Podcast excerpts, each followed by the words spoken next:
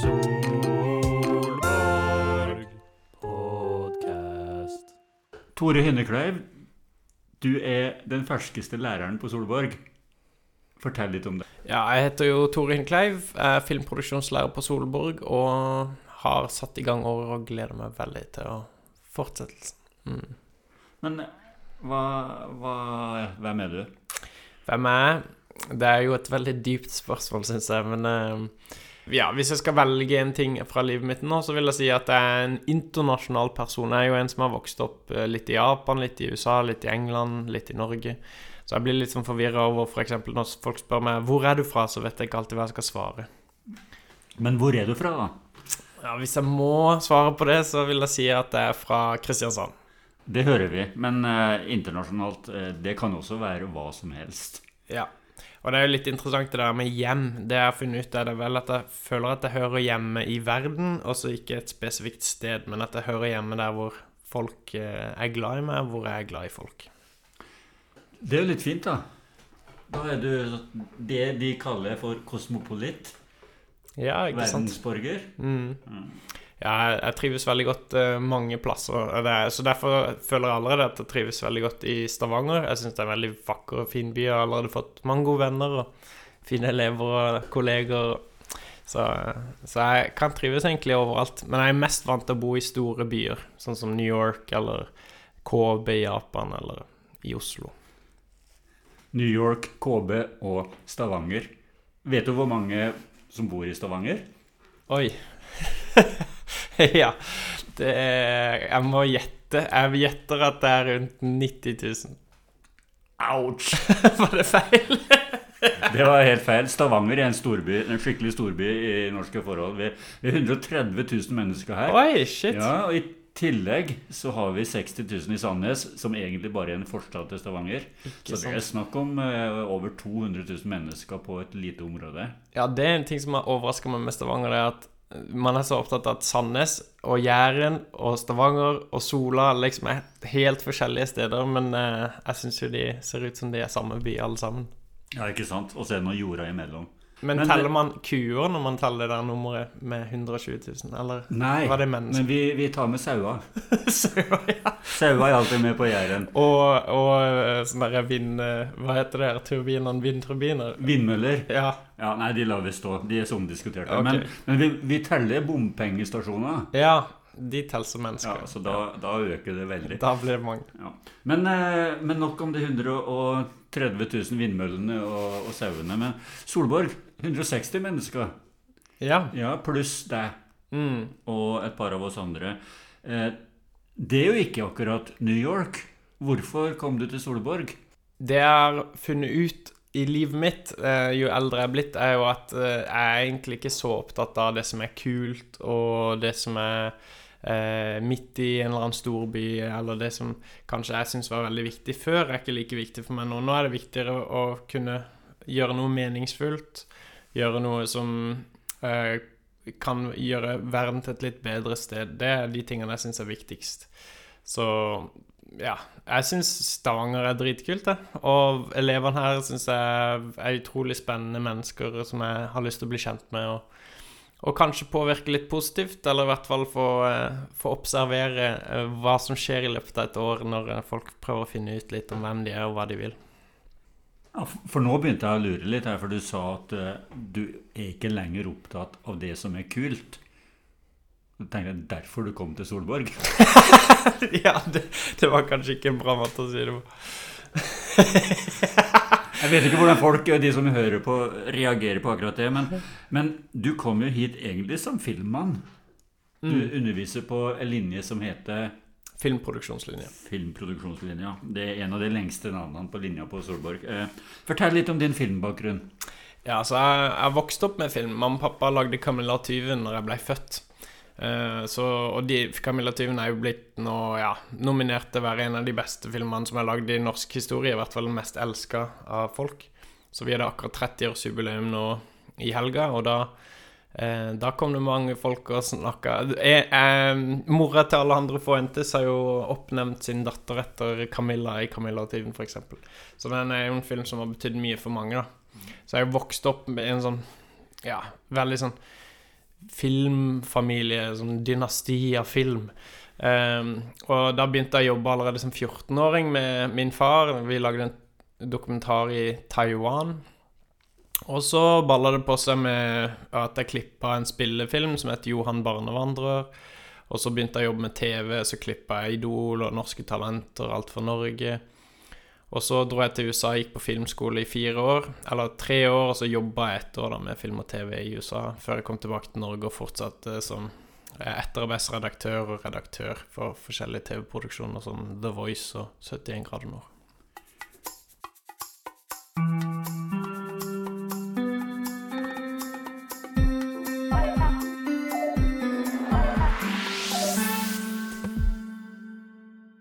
De som går hos deg, de lærer seg å lage gode fortellinger, da. Ja, men jeg tenker altså sånn Her på skolen så har jeg et fokus på at de skal lære litt om alt. Så her lærer de både te det tekniske, men også det kunstneriske. Men jeg syns jo det absolutt viktigste er det kunstneriske. Altså det å ha en stemme og finne ut hva din stemme er. Og tune den inn, og så finne ut spesifikt hva er det du brenner for å fortelle. Og det kan ta mange år før man finner det ut. Det kan ta nesten et helt liv før man finner det ut. Så det gjør ikke meg noe om de kommer her og egentlig ikke har funnet helt stemmen sin når de er ferdige her. Det regner jeg med kommer til å ta lang tid. Men jeg kan gi dem en smakebit av hva filmbransjen og TV-bransjen har å by på, og så kan de finne ut om dette er noe de vil satse på. I en foto så snakker vi om at de 10 000 første bildene egentlig bare er øvingsbilder. Og mm. etter det så kan du begynne å si at du er en fotograf. Ja, ikke sant. Er det litt det samme med film?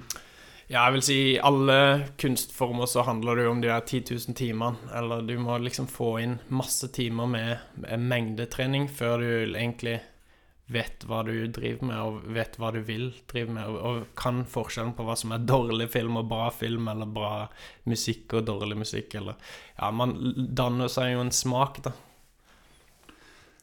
Så de som kommer til deg, de får de som kommer til meg, de får uh, Ja, denne filmbiten er absolutt viktig, å finne ut hva de syns stemmer. Kanskje de kan begynne å tenke litt på det. Og så få en smakebit av mye forskjellig teknisk. Jeg, jeg, har en litt sånn rar bakgrunn innen film, for jeg har drevet med alt fra å være lydmann til å være lysmester til å være kameramann, men også gjort det kunstneriske som um, Jeg har skrevet manus, være regissør. Så jeg har lyst til at de skal få en smakebit av alle de forskjellige rollene man kan ha, og så finne litt ut hva de vil. Men jeg syns det viktigste de forhåpentligvis drar hjem med etter Solborg-året sitt, det er å finne litt mer ut om hvem de er. Hvem er jeg, hvorfor er jeg verdifull, eh, og hva er det jeg vil med livet mitt. Er det en sammenheng mellom det spørsmålet der og den stemmen du har som filmskaper? Mm. Ja, det er et bra spørsmål. Jeg tror For meg så har det alltid vært de der dype og meningsfulle spørsmålene som jeg syns det er spennende å lage filmer om. Og det er jo eh, de filmene jeg liker å se på sjøl, er jo gjerne de som stiller liksom eksistensielle spørsmål om hvem vi er, og hvorfor vi er her. For jeg føler at det er greit nok å leve og bare bli underholdt hele livet, men hvis man dør og bare har levd, på en måte Man har bare overlevd på mat og og fått en del underholdning som man har glemt å stille seg de store spørsmålene, så føler jeg nesten du har sløst hele livet ditt. Så jeg liker de filmene som, som virkelig får deg til å tenke over hvorfor er jeg her, hva er vitsen med det her, og hvorfor Ja, hvorfor gidder jeg å fortsette å leve, på en måte. Og tenke litt over det, så, så tror jeg man kan finne noen utrolig fine svar. Eh, som gjør at eh, livet kan bli mer enn bare å overleve eller få tida til å gå, da. Hvis du kommer hit og tenker at du skal finne ut din egen spesialitet, da har du et litt for trangt perspektiv? Um, jeg synes, det er det jeg syns er interessant med livet. Det er at uh, ofte tar man valg basert på de parametrene som man har, har, tilgjengelig. Så ofte er, Grunnen til at jeg reiste til New York, var jo fordi jeg ville finne ut om jeg ville bo i USA for resten av livet. Men jeg endte opp med å finne ut helt andre svar, da. Så man stiller ofte et spørsmål, og så får man ofte helt andre svar enn det man stilte. Så det håper jeg at folk kan oppleve på Solborg, at de stiller spørsmålet f.eks.: Kan jeg jobbe med film? Men så får de både det svaret, men også masse andre svar, som f.eks.: Hva er vitsen med livet mitt, og eh, har jeg verdi, f.eks.? Hva er det mest spennende du har jobba med? Ja, altså Når jeg var 20 år gammel, tror jeg, eller 21 eller noe sånt, så dro vi til LA. Uh, da holdt vi på å filme scener til filmen Johan. Og da hadde jeg vært med å lage storyboard og pre-visualization for en scene som hadde med ulver og hester og, og sånn å gjøre, og et et gevær som skulle skyte etter noen ulver. Da hadde vi jo sånne Hollywood-stunthester og stuntpersoner, og vi hadde sånne ulver, faktiske ulver, liksom. Ikke bare noe som så ut som ulver, som kom opp, ble kjørt opp, og, og han treneren der er liksom han som har vært trener for de dyrene som har vært med i alle de største liksom, Hollywood-filmene. og så kom jeg opp der, og så Min mor hadde kreft på den tida, og hun var regissør for filmen. Og så ble jeg jo skikkelig dårlig den første kvelden vi skulle filme. Og så lurte vi på hvem er det som kan ta over som regissør, og det var jo egentlig ingen som hadde helt oversikten over hva vi skulle filme, utenom meg. så da plutselig som 21-åring så sto jeg der og fikk ansvar for hele settet, da. Og da var det jo Jeg tror det var ja, over 50, jeg lurer på om var rundt 70 eller 80, liksom, i crewet. Uh, og alle var jo eldre enn meg, og, og det var mange som ikke var så fornøyd med at en 21-åring skulle sjefe de rundt, da. Men, eh, men, heldigvis så var f.eks. han som hadde ansvar for kamera, cinematographeren, han, han hadde respekt for meg, da, og de, de, som jeg måtte jobbe tettest med, de hadde heldigvis respekt for det. Så da gikk det greit, da.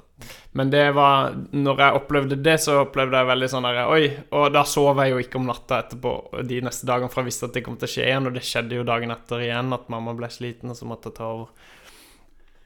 Og når jeg opplevde alt det presset, men også den på en måte store opplevelsen av å ha så mye ansvar, så tenkte jeg sånn Nå har jeg ikke noen flere mål for karrieren min. Nå ja. Men, hva, men ja. hva, gjør en sånn mestringsopplevelse med deg? For du mestra det?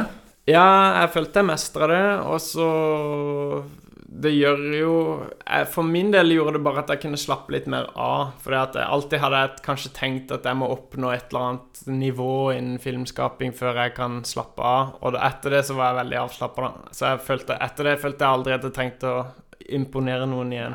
For å bevise noen. Ja. Mm. Og jeg, har, jeg har nok aldri vært noen sånn veldig ambisiøs person, egentlig. Så jeg har ikke noe sånn veldig behov for å vise at jeg kan masse og er i stand til å gjøre store ting. Men, men, det at jeg fikk den opplevelsen, gjorde nok veldig at jeg, jeg absolutt ikke har noe behov for det.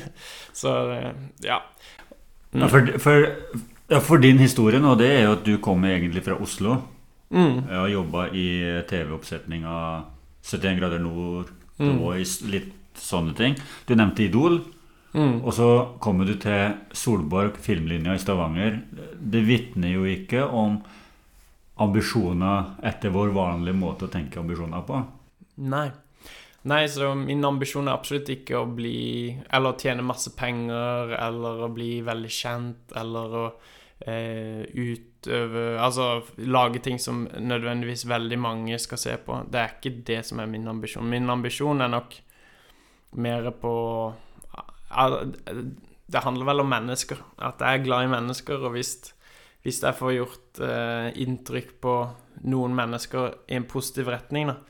Eh, at de kanskje finner ut noen nøkler i livet sitt. Det syns jeg er mye mer verdifullt for meg enn om en million eller noe ser et eller annet program som jeg har hatt ansvar for å lage, som bare underholder dem. Ja.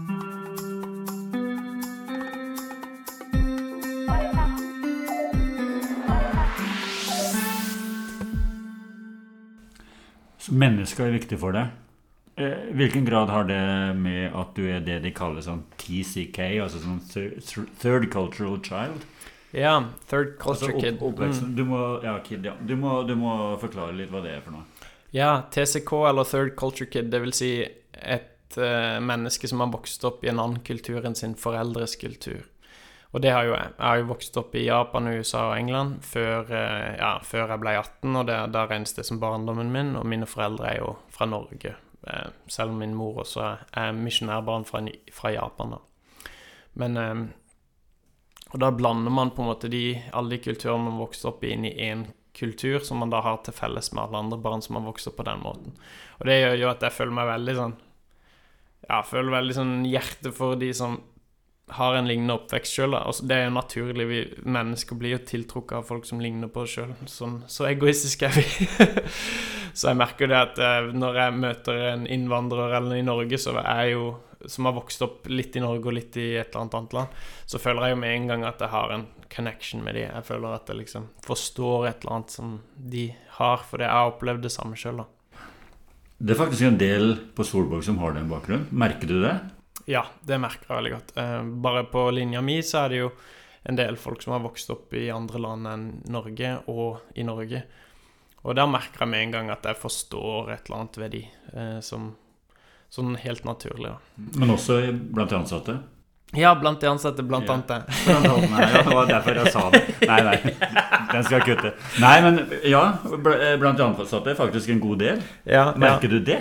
Ja, men det har jeg òg merka, faktisk. Og det syns jeg er veldig spennende. Mm. Og jeg tror det er et eller annet som skjer Uh, og det merka faktisk i TV-bransjen òg, at der var det en god del som hadde og, Altså, vi blir jo en mer og mer internasjonal verden, hvor det er flere og flere som opplever at de vokser opp ikke bare i én monokultur, men at de opplever at de vokser opp i en flerkulturell verden. Og det, det merker jeg jo mer og mer overalt, men det er kanskje spesielt i kreativ bransje, og tydeligvis her på Solborg. Folkehøgskolen. Kanskje. Eh, ja, vi har jo folk som har vokst opp i Indonesia, Kenya, Etiopia, Madagaskar, Japan. Eh, det blir ganske internasjonalt. Ja. ja og da begynner jo jeg å tenke sånn Hvorfor er det sånn? Og da tenker jeg kanskje det har noe med Altså sånn De som har vokst opp i mange forskjellige kulturer, er vant til å være fleksible og vant til at det skjer mye nytt hele tida. Vant til å måtte Eh, tilrettelegge året sitt litt forskjellig hvert år. Og det er jo noe som kanskje kan passe litt for en folkehøyskolelærer. Si litt om erfaringene dine fra de der programmene som alle vet om. 71 eh, grader nord og mm. The Voice spesielt. Det er vel det som er de mest kjente programmene, er det ikke det? Altså, De, de programmene jeg syns har vært mest spennende for meg, er jo de programmene hvor jeg har fått sjefe mest. Eh, når jeg får mye kreativ kontroll og, og får lov å, å eh, bestemme og, og, ta kreative avgjørelser, da trives jeg veldig godt. Eh, og det fikk jeg lov til både i The Voice og i 71 grader nord. Men det var litt forskjellige jobber, for det i The Voice så var jeg etterarbeidsredaktør. Som vil si at jeg hadde ansvar for alt som skjer etter det er filma, så klippen og, og online og eh, sånne ting. Mens i 71 grader nord så hadde, hadde jeg og da vil jeg si at jeg var eh, den som hadde ansvar for å eh, lage et manus. Det blir jo ikke helt vanlig manus som i filmbransjen, hvor du har planlagt alt alle skal si, for det, det er reality, så du lager jo bare på en måte oppgavene folk skal gjøre, og hva de skal utføre. Og så må du jo tenke litt hvem Hva slags folk er det vi skal ha med å gjøre? Vi hadde jo Mia Gundersen, eksempel, og litt sånn. Så må jeg tenke meg hvordan kommer Mia Gundersen til å reagere på denne oppgaven, ikke sant. Så skriver jeg et manus som er sånn tiltenkt hvordan folk kommer til å reagere, og så tar man jo alltid helt feil, da. Man, ja, man klarer aldri å tenke seg ut hvordan ting faktisk kommer til å spille seg ut. Men utrolig ofte så får man litt rett, da. Og det er, det er gøy å se at man kan Man kan sette seg inn i andres sko på en måte og, og, og tenke seg til hvordan de kommer til å reagere litt til en viss grad. Men det, men det, er jo litt morsomt, da. Eh, 71 grader nord, Mia Gundersen fra Stavanger. Eh, litt reality. Folkehøyskole er jo reality. Ja. Ja, altså, reality er jo reality. alt som fins i realiteten, er jo sant, da. Og 71 grader nord syns jeg var ganske ekte, da. Eller sånn, de fikk virkelig prøvd seg. Det er, det er, ikke sånn at de bare later som om de begynner å gråte, for å si det sånn, når, de, når Mia Gunsvold f.eks. måtte klatre Torfinnstindane i episode eh, to, eller var det tre, så, så hadde, hun har jo høydeskrekk, liksom. Og det er jo de tingene jeg syns var gøy med 71 grader nord. Det var jo å se Altså hvordan folk samarbeida og hjalp hverandre å oppnå ting de aldri trodde de skulle få til. Men når du sier det, så hører jeg nesten et folkehøyskoleår. Ja, og det er jo det jeg syns er mest spennende med film og TV generelt. Og folkehøyskolen er jo samarbeid. Det er jo det at eh, folk må jobbe sammen for å få det best mulig. Og det, det tenker jeg litt er med folkehøyskoleåret òg, er jo at folk må samarbeide for å få et best mulig år. Det merker jeg i klassen, i linjetimene våre. så merker at folk er så gode med hverandre. Elevene eh, eh, liksom vil hjelpe de som ikke kan like mye, til å bli like gode som resten av klassen. Og altså, de viser tålmodighet for hverandre og kjærlighet for hverandre, og da, da blir det et veldig bra år, da, når man gir mye av seg sjøl til de andre. Du har nevnt ganske mange forskjellige oppgaver. og Det å jobbe med film er tydeligvis ikke bare én ting. Eh, er det et område du syns at du er sterkere enn andre? Ja, det er et bra spørsmål, for det, det har jeg jo stilt mange av mine elever her nå i begynnelsen av året. Da sa jeg 'nevn tre sterke sider ved deg, ved deg selv'. Mm. Og da eh, fikk jeg ofte det tok ofte lang tid å få svar, da, og det merker jeg jo nå at det, det, det er vanskelig å svare på hva er de, mine sterke sider. Ok, la oss få tre, dine tre sterke sider. Oi, såpass, ok. Ja, ja. Nei, da må du jo Hvis jeg ikke skal tenke så lenge, så må det bli eh, Det første jeg kom på, er at jeg er modig. Jeg føler jeg er modig. Jeg tør å hoppe ut i ting som jeg egentlig ikke tør. Jeg gikk ballett, f.eks. når jeg var 24 år gammel.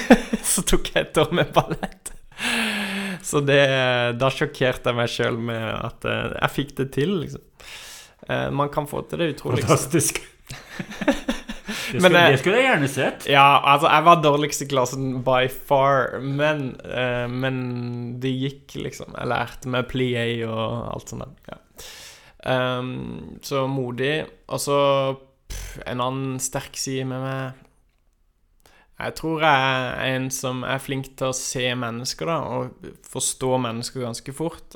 Og det hjelper meg veldig som regissør òg. Altså at jeg kan bare møte noen, snakke med dem noen minutter, og så føler jeg at liksom skjønner hvem de er, da. Uten at de har sagt det. Vi kan da snakke om været, liksom. Men så har jeg plutselig skjønt Å ja, lurer på om den personen liksom har opplevd det og det, og ja. Kan ganske fort få en sånn Jeg har en ganske sterk intuisjon. Det tror jeg jeg vil si. En eh, punkt nummer tre Ja, hva kan det være, da? Mm. Du kan la det ligge nå. At jeg er kreativ. du er kreativ. Jeg liker å skape. Du er kreativ.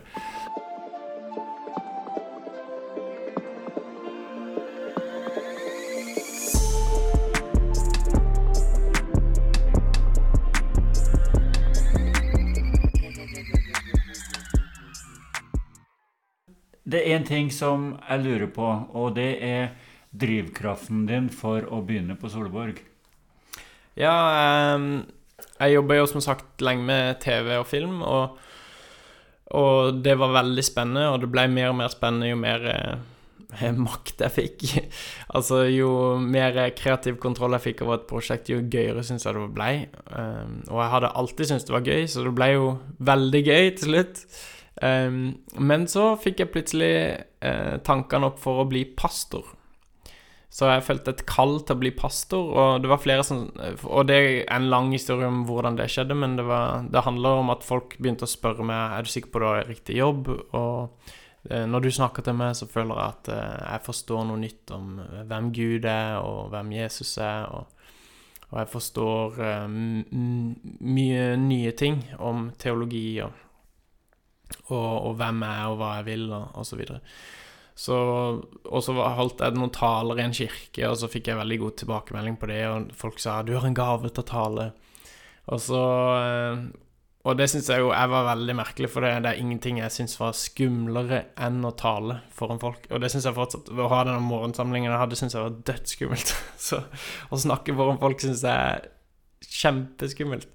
Men jo eldre jeg er blitt, jo mer eh, sjøltillit har jeg fått på egentlig alle sider ved livet, og også når det gjelder å snakke foran folk, så jeg syns det er mye mindre skummelt nå enn jeg syns det var før. Så plutselig begynte jeg å få tankene opp for at oi, shit, kanskje jeg skal bytte jobb til å bli pastor. Eh, men jeg turte ikke satse på det før jeg fikk en veldig tydelig bekreftelse fra Gud da, gjennom bønn. Mm. Så derfor begynte du på Solborg? Ja, det, så blir Solborg en del av den reisen mot å bli pastor, tror jeg. Eh, så jeg har begynt å studere teologi. Eh, så jeg har studert eh, litt hebraisk i fjor, og litt sånn introduksjonstimer til Bibelen og ja. Så jeg syns Bibelen er veldig spennende. Så de som vurderer å søke på filmproduksjon på Solborg, de kommer til en bibellinje? Jeg vil ikke si de kommer til en bibellinje, absolutt ikke. Men Men hvis- Men med en gang de begynner å snakke med meg, så vil de nok oppdage at jeg er veldig glad i Bibelen og glad i Gud, hvis de begynner å spørre meg litt dypere spørsmål. Men du behøver ikke å være skremt, da. For uh, Altså, du bør ikke være skremt av tanken på å møte Tore Hinnekleiv som filmlærer fordi at han har lyst til å bli pastor. Ja, mange når de hører jeg skal bli pastor, eller noe sånt, så får de litt sånn hakeslepp. De tenkte sånn Hæ, Tore, han kan ikke bli pastor, liksom. Fordi de har en eller annen tanke om hva en pastor er. De tenker kanskje at det er en mann med stor, eh, lang skjortel og som snakker veldig prektig og ordentlig, eh, og ikke egentlig er til stede i livene til folk, men bare holder seg på en mils avstand fra alle menneskene rundt seg, og liksom lever et sånt veldig hellig munkeliv i et eller annet kloster.